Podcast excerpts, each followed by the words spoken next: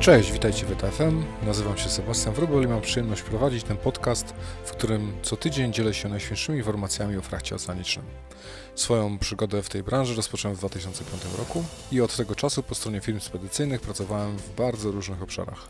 Przeszedłem ścieżkę od małej rodzimej firmy spedycyjnej po globalnych gigantów, od pracy operacyjnej po przewodzenie rozwoju biznesu w kilkunastu krajach. Sekcję komentarzy rynkowych mam przyjemność prowadzić z Dominikiem Landa z DCT Gdańsk. Jego doświadczenie po stronie armatorów i portu idealnie uzupełnia moje spedytowskie. Dzięki temu wierzę, że niezależnie w której części rynku frachtu oceanicznego działasz, w ETFM znajdziesz ciekawy punkt widzenia na interesujące Cię tematy. Od dzisiejszego odcinka na początku tygodnia będziecie mogli posłuchać o tym, co działo się w poprzednim tygodniu, jakie są komentarze od Dominika, ode mnie, w przyszłości może również od innych e, e, gości, które do, którzy do nas zawitają. A w drugiej części tygodnia skupię się na wywiadach z ciekawymi osobami, na historiach związanych z powstawaniem różnych firm oraz rozwojem ścieżek kariery interesujących osób. E, także taka zmiana.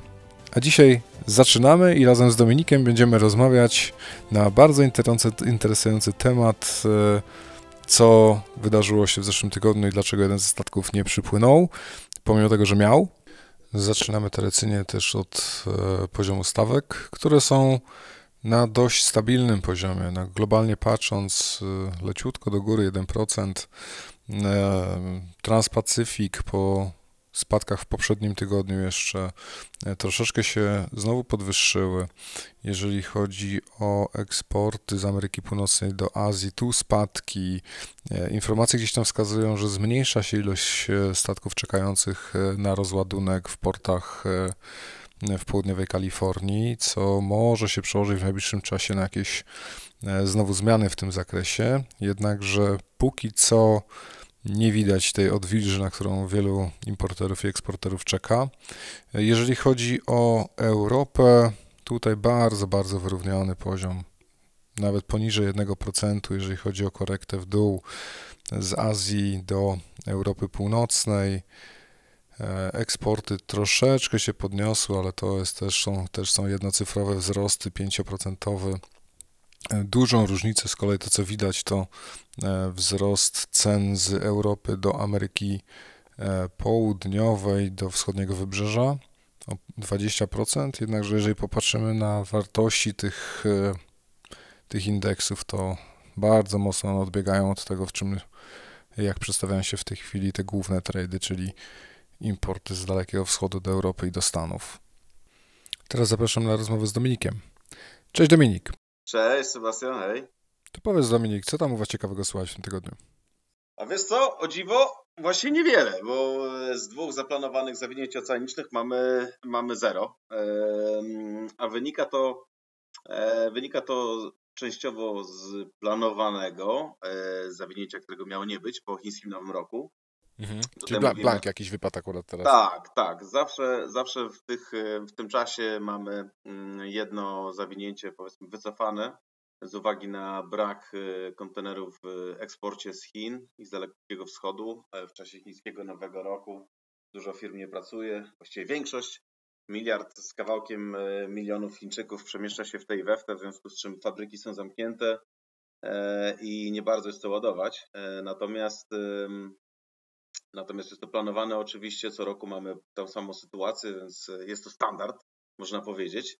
E, oczywiście na statkach, które poprzedzają blank sailing albo które, e, które wchodzą po tym blank sailingu, e, tego wolumenu jest więcej, więc de facto to się wyrównuje.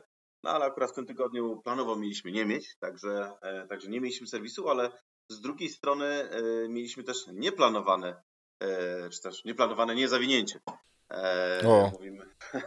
niestety, niestety, tu widzisz, jak często rozmawiamy o tym, co się dzieje, e, jakie są, jakie są efekty COVID-u, e, e, o dziwo widzimy, że jest wzrost produkcji przemysłowej, o dziwo widzimy, że ludzie kupują coraz więcej, remontują, budują, kupują, nie wydają na usługi, natomiast to był jeden z tych takich pozytywnych wpływów COVID-u, ale, ale są też i negatywne niestety. Oczywiście nie mówię o naszym zdrowiu, naszych bliskich, e, co jest najważniejsze, ale, ale taki e, stricte, e, stricte przykład, który ostatnio mieliśmy w biznesie, to Statek, który miał do nas przyjść w ramach serwisu 2M, w zeszłym tygodniu, ile dobrze pamiętam, jeden z załogantów niestety został zdiagnozowany pozytywnie na COVID. Oczywiście armator podjął wszelkie środki bezpieczeństwa i załogant został odseparowany. Wszyscy załoganci zostali przetestowani, tylko ten jeden był zdiagnozowany pozytywnie. Mm, także firma zrobiła wszystko to, co mogła w takiej sytuacji. E, kapitan portu w Algeciras e, e, jednak stwierdził, że statek musi zostać przy, przy Kei, nie może wyjść w morze, także nie może kontynuować podróży do, do Gdańska między innymi. Statek z tego co wiem dopiero dzisiaj może opuścić port w Algeciras i będzie kontynuował do Europy Północnej mm, swój rejs. Natomiast z uwagi na potężne opóźnienie, które zapał po drodze, najprawdopodobniej statek ten nie zawinie. Do nas zresztą już wiemy, że nie zawinął. E, natomiast kontenery, które e, były planowane i które na, na pokładzie tego statku są, będą do nas dostarczane w ciągu najbliższych tygodni na pokładach innych jednostek, e, czy to planowych, które chodzą w ramach serwisu AE10, czy też na fiderach, które będą specjalnie w tym celu wyczarterowane, czy też e, na pokładzie dodatkowych jednostek, które były już planowane, tak zwanych extra dischargerów, czyli jednostek, które przewożą dodatkowy wolumen importowy.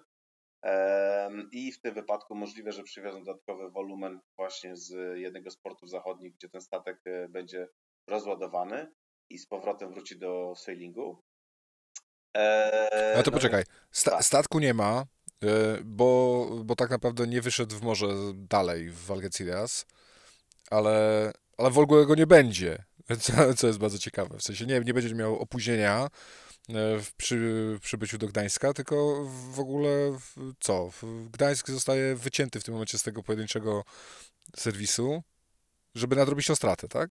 Tak, wiesz co, to jest sytuacja, do której wszystkie terminale na całym świecie są, e, są przygotowane. Jesteśmy, można powiedzieć, e, zaskakiwani dosyć często różnymi zmianami sailingów, bo Wiesz, wpływ na to ma wiele czynników. Statek, który płynie z Dalekiego Wschodu e, do Europy, łapie opóźnienia, na przykład z uwagi na e, kongestię w portach przed nami. Tak? Na ostatnio mieliśmy bardzo dużo informacji odnośnie kongestii w portach Wielkiej Brytanii, Felixstowe, czy mieliśmy e, swego czasu jeszcze e, kongestię w Rotterdamie, czy w Hamburgu, czy w innych portach, gdzie to się zdarza na całym świecie.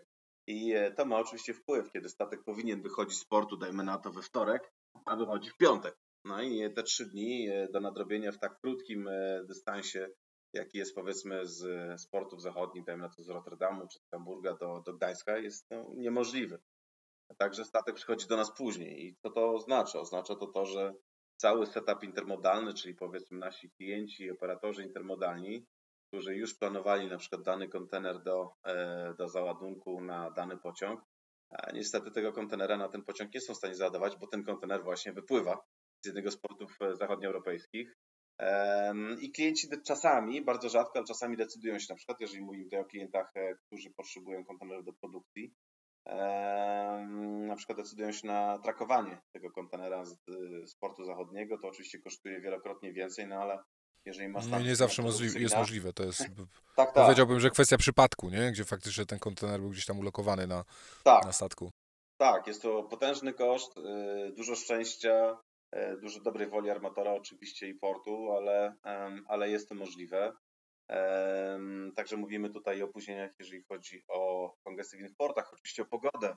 Statki, szczególnie o, o tej porze roku, łapią e, złą pogodę po drodze, to znaczy albo, albo e, mocne wiatry, albo inne niesprzyjające warunki, w związku z czym na tej trasie, która jest bardzo długa, wiele może się zdarzyć. I to również wpływa na to, że statek e, wchodzi do portu z jakimś opóźnieniem. E, mamy przecież też statki, zresztą niedaleko, niedaleko szukać.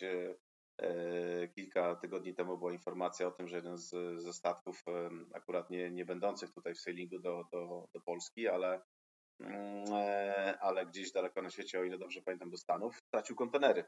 I te sytuacje są dosyć częste, jak się okazuje.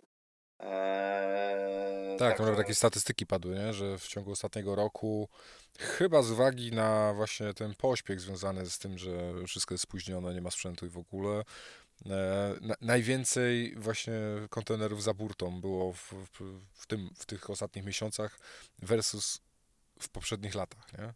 Tak, no i wiesz, to jest sytuacja tutaj ciekawa, że my też to przerabialiśmy na, można powiedzieć, troszeczkę z naszej strony.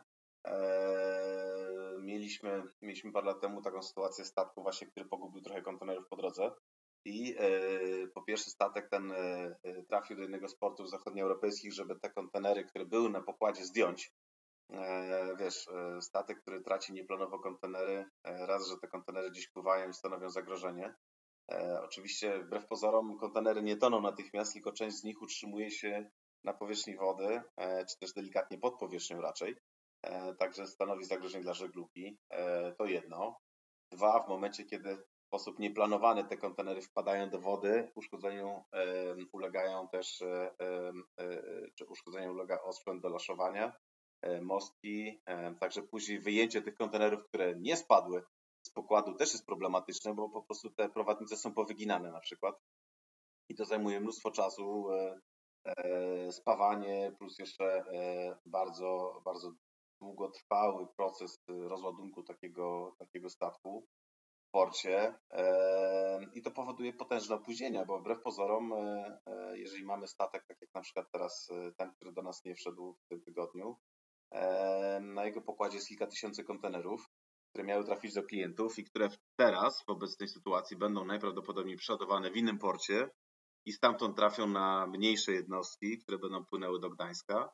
E, także w tej chwili mieliśmy sytuację, w której mieliśmy bardzo małe obłożenie e, KEI, a jednocześnie będziemy się mierzyć za tydzień, za dwa bardzo dużym obłożeniem KEI, bo nie tylko będziemy musieli E, e, mm, tak powiem, pracować na statkach, które są przy KEI i które są planowane, ale również dodatkowych jednostkach, także jest to zawsze duże wyzwanie dla naszego zespołu operacyjnego, który jest, który jest naprawdę świetny i to są bardzo fajni ludzie, fachowcy, natomiast no, wyzwanie jest wyzwaniem, bo jednak tą samą ilością sprzętu przy pomocy naszych współpracowników musimy spracować zdecydowanie więcej wolumenu niż planowaliśmy. To oznacza również opóźnienia w wydawaniu kontenerów e, tych, które powinny trafić na przykład na kolej i opóźnienie nie wynikające z, z naszej pracy, tylko z czystego faktu, że kontener jest dwa tygodnie po czasie. E, na przykład, tak? E, oczywiście wtedy też mówimy o piku na bramach, no bo automatycznie e, tych kontenerów, które mają wyjechać e, czy bramą drogową, czy bramą kolejową jest, jest więcej. Także takie sytuacje mają miejsce i u nas, i na pozostałych terminalach hubowych. Natomiast zawsze jest to wyzwanie dla terminala, ale też i dla klientów, dla operatorów intermodalnych, dla spedytorów, żeby, żeby z takiej sytuacji wyjść. Oczywiście już nie mówiąc o armatorze, który jednak musi e, ten statek z powrotem do rozkładu wrzucić, nadrobić stracony czas, pewnie spalić więcej bunkru. Ja tylko mam nadzieję, że kolega, który był zdiagnozowany, będzie, będzie że tak powiem, szybko wracał do zdrowia. To jest najważniejsze. Tak jest, to prawda. No, ale wyzwa wyzwania dla całego łańcucha z tego wynikają, nie? No bo teraz wspomniałeś o tych intermo połączeniach intermodalowych, które już były zaplanowane, które już się posypały, no bo nie ma statku, mhm. nie będzie kontenerów na dniach i, i, nie, i nie wyjedzie to, co powinno. E, dwa, domyślam się, że też e, to nie jest e, aż tak oczywiste i mm, transparentne, kiedy te kontenery, które nie przybyły tutaj, kiedy one faktycznie tutaj dotrą, prawda?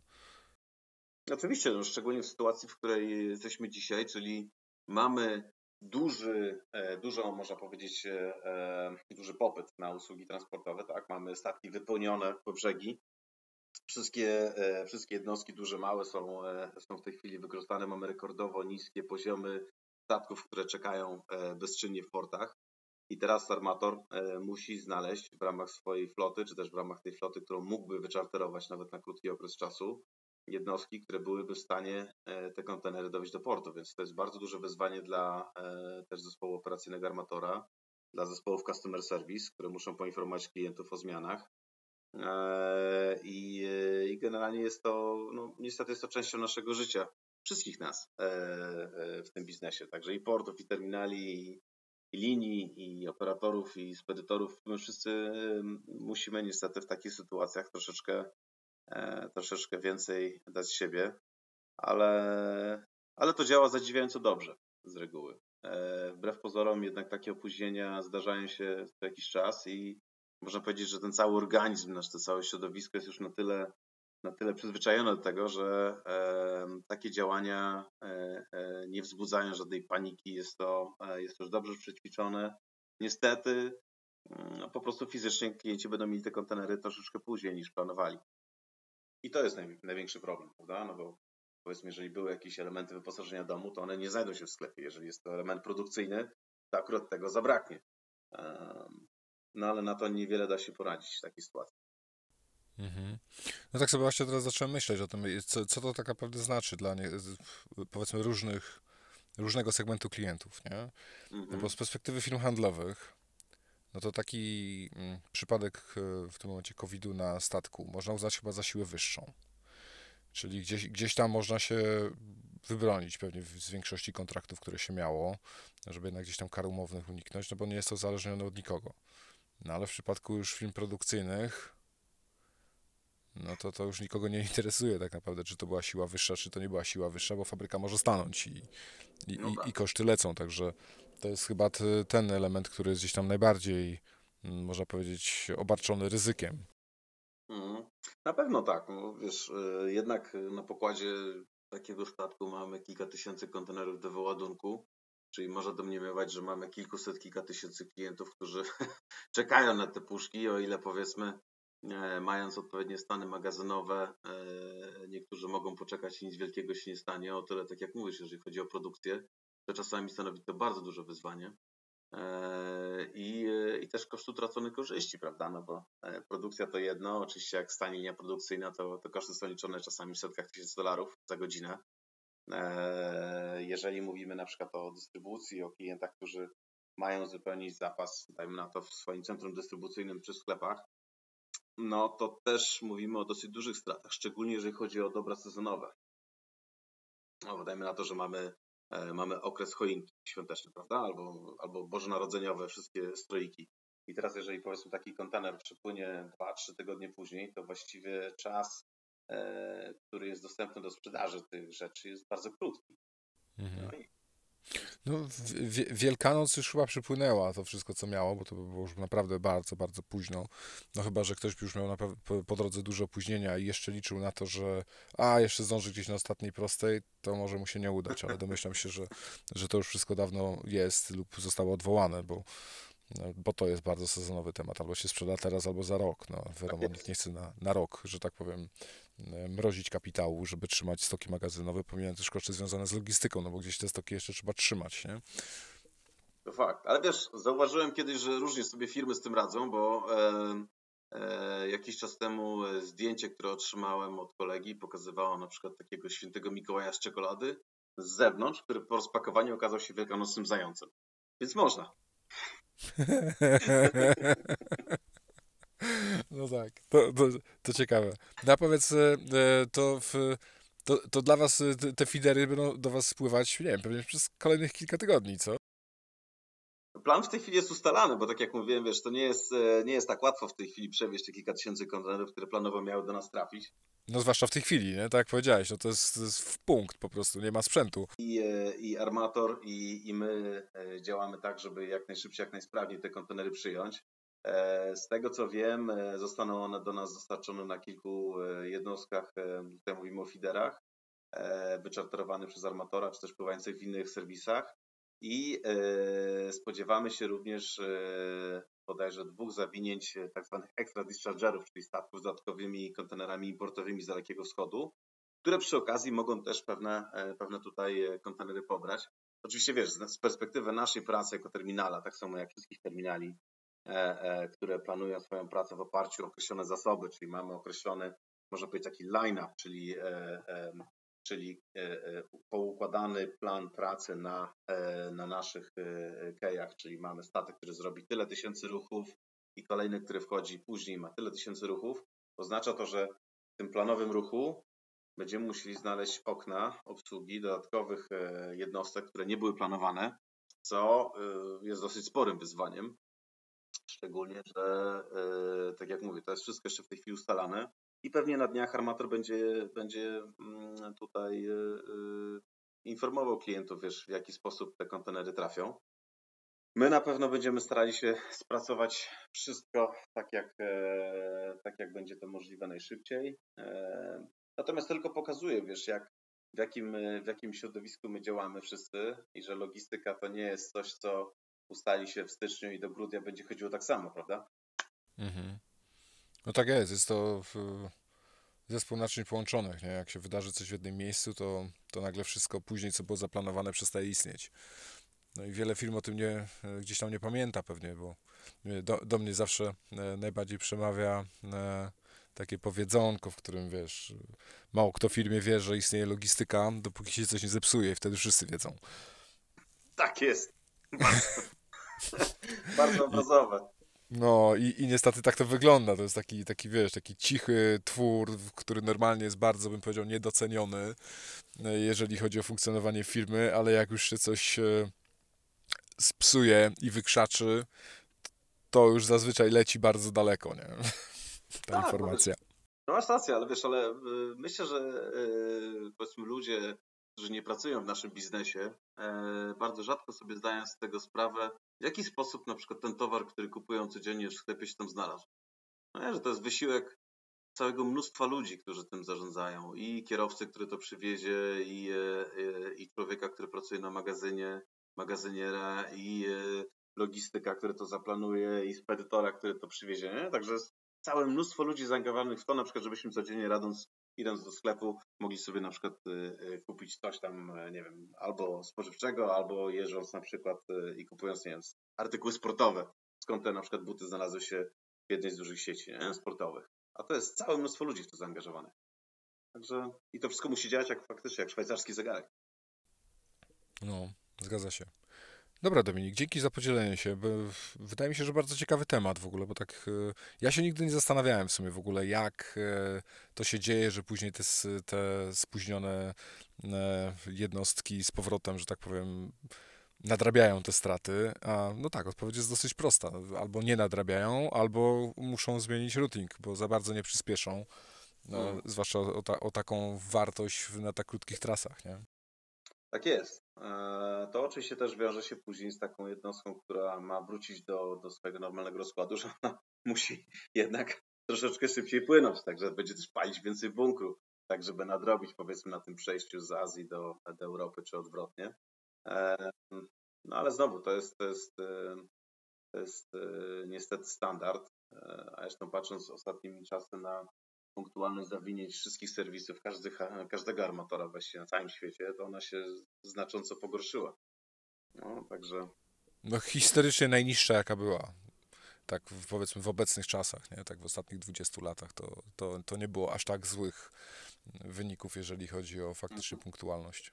Tak, to chyba, chyba też wynika właśnie z tego, z tej kongestii w portach i, i z tego imbalansu po prostu sprzętu, czy też e, braku braku sprzętu w jednym miejscu i jego nadmiaru w drugim, to planowo znowu, jakby to było wszystko zaplanowane zgodnie z normalnym, e, z normalnym przepływem dóbr i kontenerów, sprawa byłaby prosta, ale z uwagi na COVID wszystko stanęło na głowie i faktycznie to, co, to, co do tej pory działało, e, musi podlegać diametralnej zmianie.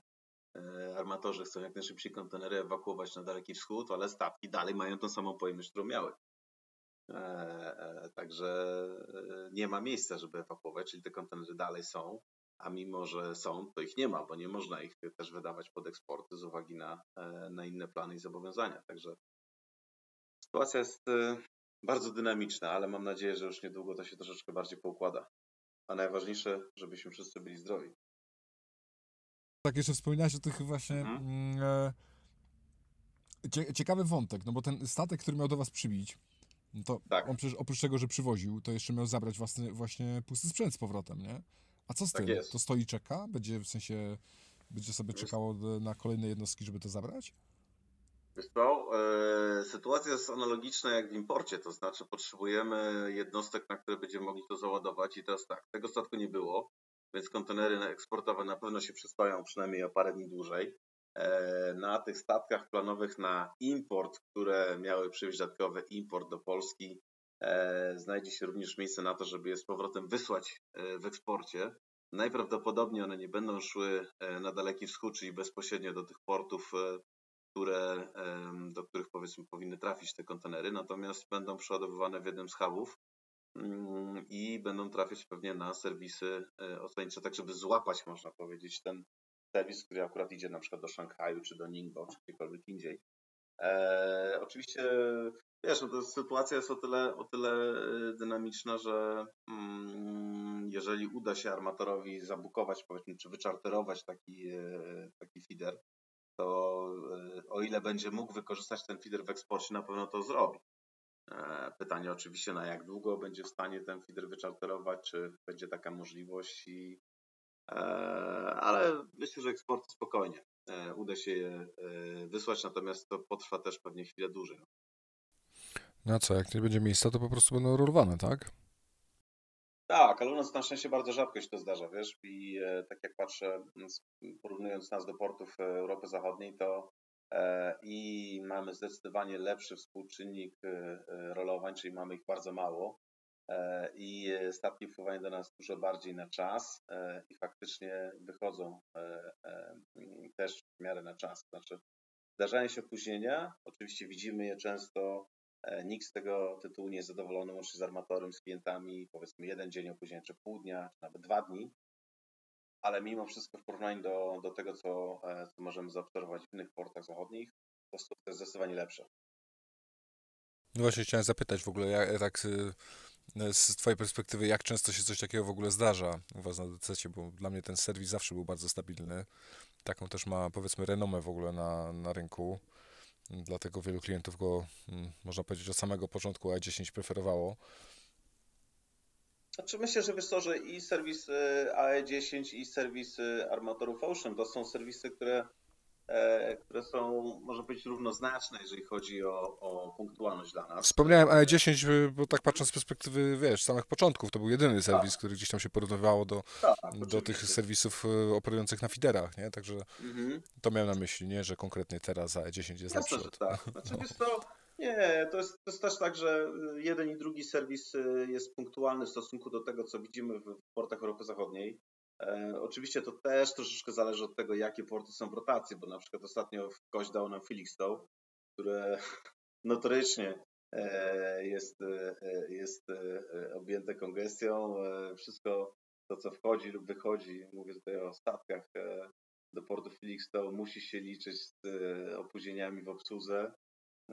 Także wiesz, jeżeli na przykład akurat dany serwis ma Felixstowe w rotacji, to jest to, e, jest duża szansa, że będzie miał e, jakieś z tym związane opóźnienia.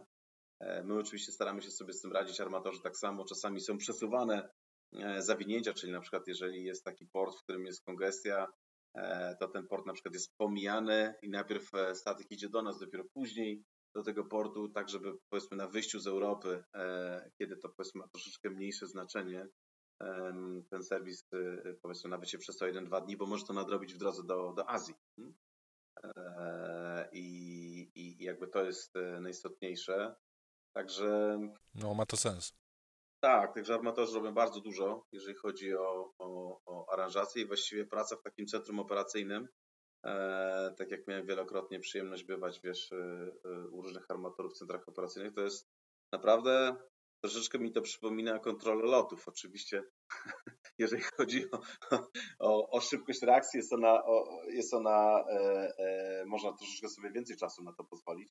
Natomiast. E, e Bez wieży i radaru, ale, ale złożoność być może nawet e, i większa momentami. Złożoność nawet większa, bo właściwie e, powiedzmy takie biuro koordynacyjne armatora musi ogarniać sytuację nie tylko w swoich portach, ale też wiedzieć, co się dzieje wszędzie poza. E, I, e, I na przykład e, w przypadku takich zmian dokonują od razu korekty, tak żeby ten towar jednak mógł do klienta dotrzeć w, w, w zakładanym czasie i w jak najlepszym, w jak najlepszym możliwym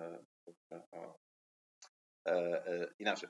Jeżeli jest zabukowany do portu danego, tam powinien trafić, bo powiedzmy zmiana portu również dla klienta rodzi dużo konsekwencji, prawda? No miał na przykład zabukowany, dajmy na to, pociąg do do Gdańska, a jeżeli armator na przykład zdecydowałby się te kontenery wyładować w innym porcie i już nie dostarczyć ich drogą morską, oczywiście to wszystko też zależy, e, czy może tak zrobić z uwagi na zapisy BLK, no to, to jest, no jest to problem, tak? No bo jeżeli klient ma coś, co chodzi i chodzi co tydzień na danym serwisie z danym na przykład operatorem intermodalnym, to jednak pobieranie czegoś z innego portu, szczególnie za granicą, jest dużo bardziej problematyczne. Mówiąc o kosztach, które są przepotężne. A powiedz właśnie w, kontekście armatorów i tak tego, co, e, co jest Ci wiadome, to takie operacje związane z, no, można powiedzieć, z w ogóle planowaniem tych routingów i później zmianami, taką reakcją, e, e, jak się coś dzieje, to, to się dzieje, to, to jest planowane w skali gdzieś tam, nie wiem, centrali i całości globu, jeżeli chodzi o trady, czy właśnie per, per trade konkretny i, i lupy, które w, w, nim się poruszają? Jak, jak to się odbywa? To sytuacja wygląda w ten sposób. Od czasu, kiedy pojawiły się alianse, e, pojawiły się tak zwane centra, centra koordynacyjne e, w ramach aliansów. Oczywiście każdy z aliansów ma to troszeczkę inaczej poukładane.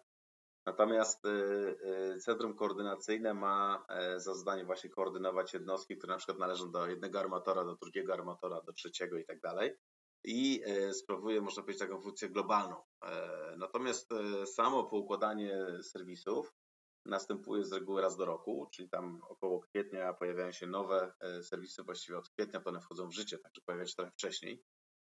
Nowe serwisy i wszystkie alianse podają informacje na przykład o zrewidowanych serwisach, dajmy na to serwisie, który chodzi do, do Gdańska czy, czy wszystkich innych. I wtedy mówią na przykład, że zmiana portów e, w danym serwisie, czy zmiana zawinień, czy wydłużenie, czy skrócenie czasu tranzytu. I to jest jedna rzecz i ona następuje raz do roku. Później w ramach, e, e, w ramach już wypracowanych rozwiązań, czyli każdy port w danym serwisie wie, kiedy spodziewa się danej jednostki i jaką liczbę ruchów ten statek wykona. Przechodzi to, można powiedzieć, do tak zwanego centrum właśnie operacyjnego, w którym to armator zarządza e, statkami, które wchodzą, czy serwisami, które wchodzą na jego teren, czyli na przykład z reguły armatorzy mają to tak poukładane, że mamy centra koordynacyjne operacyjne w Europie i albo jest to cała Europa, albo Europa na przykład północna i Europa południowa, czyli są dwa centra koordynacyjne w Europie, e, dajmy na to. I jeżeli ten statek wchodzi na przykład do, do portu na Morzu Śródziemnym, to jest to centrum zarządzania południowe, może być operacyjne, tak? E, jeżeli na przykład ten statek już przechodzi do Europy Północnej, to przyjmuje go, można powiedzieć, to drugie centrum. One oczywiście ze sobą współpracują, mówię o jednym i o drugim centrum operacyjnym, i przekazują sobie niezbędne informacje o opóźnieniach, o, o, o wszelkiego rodzaju innych e, zdarzeniach, czy o zwiększonym wolumenie na, na danym statku, czy o czymkolwiek innym e, koledzy chcieliby wiedzieć, czy koleżanki. I teraz na przykład e, e, to właśnie te centra operacyjne armatorskie przyjmują e, funkcje koordynacyjne. Czyli jeżeli już wiemy na przykład, że statek jest opóźniony, to do takiego centrum koordynacyjnego, dajmy na to w Europie Północnej, należy znalezienie rozwiązania, które w sposób optymalny odpowie na potrzeby klientów. Oczywiście te potrzeby klientów są też zgłaszane przez pracowników lokalnych agencji czy lokalnych oddziałów, customer service i sprzedaży, którzy na przykład mówią, OK, ten klient potrzebuje kontenera natychmiast, ponieważ jest to produkcja e, i, i pytanie, co z tym można zrobić. E, a na przykład tutaj mamy sytuację, w której można, e, może ten kontent dostarczyć parę dni później. Tak? Także, także jest to praca mnóstwa, mnóstwa osób. I oczywiście są jeszcze centra zarządzania flotą, czyli mamy centra, które zajmują się, można powiedzieć, samym E, samą obsługą floty, tak? czyli e, planowanymi naprawami, ubezpieczeniem, e, bunkrowaniem i samym zarządzaniem jednostkami. Są oczywiście w ramach tych centrów jednostki odpowiedzialne za, za crewing, czyli za, za załogi, za wymianę załóg. Ta wymiana też następuje w różnych portach i trzeba o tym też pamiętać, e, wszystko zaaranżować. Także jest mnóstwo, mnóstwo procesów, które dzieją się, których my powiedzmy tutaj na, na końcu, albo powiedzmy nawet osoby, które, e, które uczestniczą w tym procesie od strony klienta, nawet tego nie widzimy. A, a jest tego naprawdę sporo i tych procesów jest również bardzo dużo. Natomiast e, armatorzy na tyle mają już przepracowane te rozwiązania, że one wchodzą niejako w, w takie zarządzanie E, e, zarządzanie kryzysowe standardowe. To nie jest nic takiego, że wszyscy, wszyscy się zastanawiają i biegają co teraz zrobić, tylko e, są pewne plany postępowania i, e, i ścieżki, które są już przećwiczone i każdy z armatorów ma, ma, że tak powiem, tutaj troszeczkę inne rozwiązania, ale w gruncie rzeczy sprowadzają się do kilku rzeczy, które mogą zrobić. Do kilku, tak? Czyli wyczarterować nowy tonaż, sprawdzić w ramach własnych serwisów, co mogą zrobić, sprawdzić z operatorami intermodalny, y, intermodalnymi również, ale intermo, e, operatorami feederowymi też, e, e, czy, czy znajdzie się na przykład jakaś dostępna na rynku alokacja, żeby ten towar przewieźć. Także informacja do klientów. To wszystko są rzeczy, które są raczej już ustandaryzowane. Mhm. No tak, no domyślam się, że to nie jest z, z, jednej strony żadna z tych sytuacji, które ma miejsce, pomimo tego tej, można powiedzieć, zupełnie nowej rzeczywistości, jeżeli chodzi o powody, to jednak e, z perspektywy no, kilkudziesięcioleci, a co niektórzy nawet dłużej działania, jeżeli chodzi o, o, o przewóz e, ładunków drogą morską właśnie w, w kontenerach od strony żugli, linii żeglugowych, no to w sumie już chyba pewnie wszystko widzieli, nie? co się mogło gdzieś tam wydarzyć mhm. jako skutek. Tak jest. Wiesz, tutaj już, chociaż nigdy nie mów nigdy. No, już wiesz, już nie, nie, nie, nie, idźmy w kierunku jakichś, wiesz, sytuacji związanych z gigantyczną falą tsunami, nie? No, no tak, może, meteor, może meteoryt kiedyś spaść, fu, fu, ale, ale pewnie z takich rzeczy organizacyjnych mam na myśli, nie?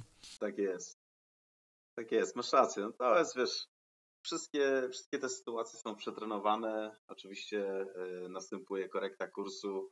Za każdym razem to, co można poprawić, jest poprawiane. Y, nasz biznes jest bardzo, y, można powiedzieć, dobrze przygotowany, ale na przykład już taki COVID pokazał, że, że jednak mimo wszystko, mimo tych wszystkich procedur, mimo tych wszystkich kontroli i jednak dobrego poukładania, no jeszcze wiele przed nami, prawda? Brak sprzętu z jednej strony, kongestia z drugiej strony, opóźnienie serwisów. To wszystko są rzeczy, którymi w tej chwili borykają się właśnie armatorzy. Prawda. Dobra, Dominik. Dzięki wielkie za, za podzielenie się z swoją wiedzą i swoimi doświadczeniami w tym w obszarze. E, wierzę, że dla wielu słuchaczy to będzie to bardzo interesujące. E, także dzięki i co? Miłego tygodnia Ci życzę. Udanego. Dzięki również. Miłego tygodnia dla wszystkich. To było podsumowanie dziesiątego tygodnia kalendarzowego e, i omówienie sytuacji, która miała miejsce z odwołaniem zawinięcia Madison Mersk do Gdańska. Z czym to się wiąże? Jak właściwie ten proces jest zarządzany? To o tym wszystkim mogliście posłuchać. E, jestem bardzo, bardzo ciekawy Waszych komentarzy. Wspominam o tym zawsze w, w każdym wręcz odcinku, e, ponieważ e, tylko dzięki nim jestem w stanie tutaj pracować nad tym, żeby te treści, które nagrywam sam z gośćmi, z Dominikiem i z wieloma innymi osobami, które pojawią się w najbliższych odcinkach, to żeby mogły one by być Y, możliwie najbardziej interesujące dla Was, najbardziej wartościowe. E, także jeżeli macie jakiekolwiek komentarze e, do mnie, bardzo Was proszę o przesłanie wiadomości poprzez LinkedIn, na maila sebmałpa.eta.fm. Także bardzo za nie dziękuję. Życzę Wam udanego tygodnia i do usłyszenia jeszcze w tym tygodniu z wywiadem, o którym wspominałem.